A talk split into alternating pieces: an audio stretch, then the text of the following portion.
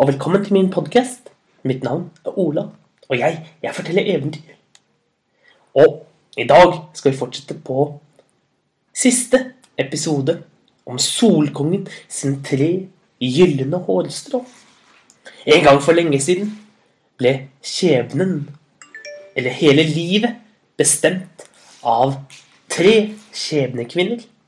En konge var ute og reiste da han overhørte at skjebnene sa til et lite guttebarn at han skulle få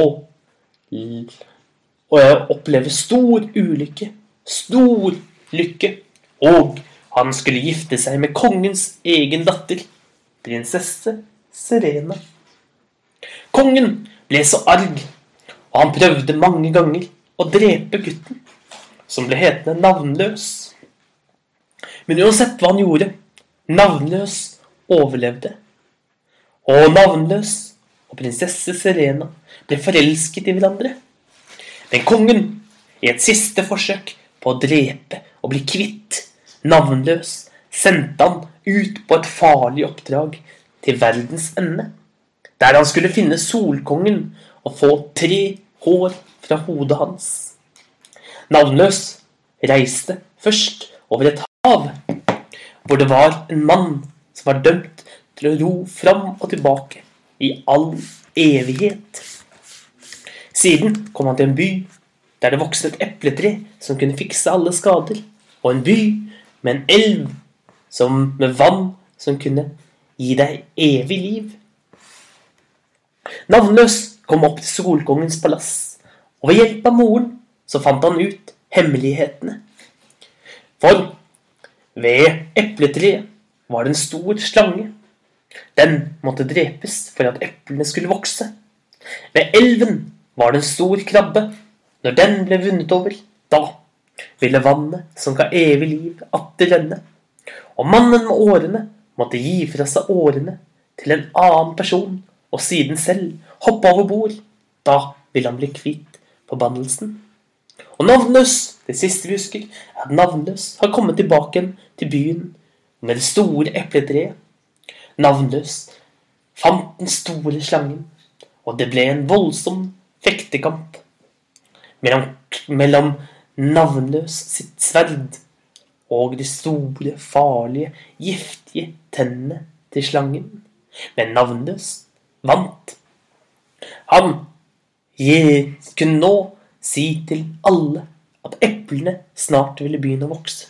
Og mens han sto og sa det, så begynte de første eplene å gro fram på det magiske treet. Og når de gamle og syke spiste av eplene, så ble de, sånn som de hadde sagt, fikset for alle skader, friske fra alle sykdommer. Og de hoppet rundt og gledet seg og takket navnløs for at han hadde reddet dem. Navnløs reiste så i tre dager og tre netter til han kom til det store, brusende havet, hvor mannen i robåten var dømt til å ro fram og tilbake i all evighet. Navnløs gikk om bord i båten og fortalte hemmeligheten til den gamle mannen. Og den gamle mannen takket og takket og sa at neste gang noen kom reisende dit, da skulle han bryte forbannelsen en gang for alle og gi fra seg årene og selv hoppe i vannet. Og navnløs, han red i flere dager og flere netter til han endelig kom tilbake igjen til slottet, hvor prinsesse Serena ventet. Og Serena ble så glad når hun så at han hadde fått tak i de tre gylne hårene fra solkongen sitt hode. Kongen hadde ikke lenger noe å si. Og Serena og eh, Navnløs giftet seg, og det ble et storslått bryllup som det ble talt om i lange tider. Men når Serena og Navnløs hadde giftet seg, en dag da kom kongen inn på rommet til Navnløs og sa Du, du har lurt meg. Men det minste du kan gjøre for at ikke jeg skal slutte livet ditt nå, det er å fortelle meg hva du fant på turen din. Og navnløs fortalte. Å, jeg fant en by med epler som kunne De mest fantastiske epler du noen gang har sett. Epler som kunne gjøre de syke friske. Epler som kunne gjøre de skadede er helt friske fra sårene sine. Og jeg fant en by med vann som ga evig liv og evig ungdom. Den som drakk av vannet, ble ung og kunne være det for alltid. Hvor finner jeg disse? lurte kongen. Da må du reise til verdens ende. Reise over det store havet med den lille båten som er der. Og så vil du komme fram til byen med de magiske eplene.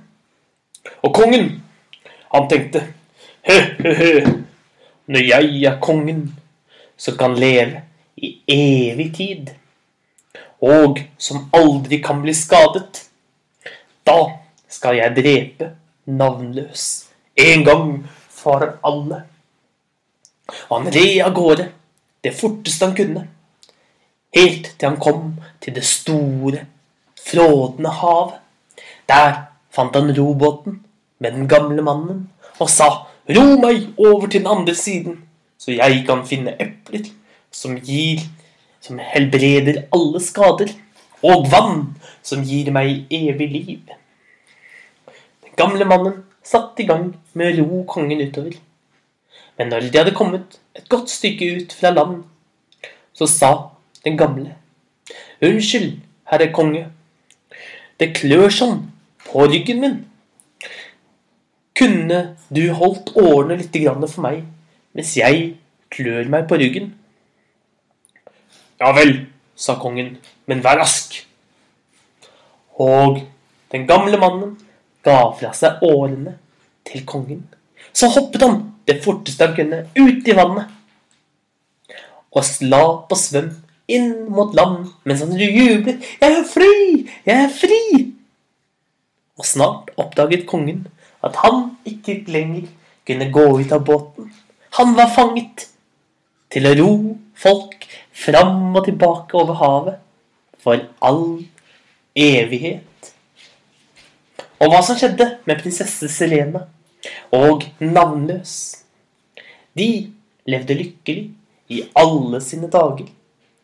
Og det var fortellingen om Solkongen sine tre gylne hårstrå. Jeg håper du likte den, så får du en riktig god dag videre. Ha det bra.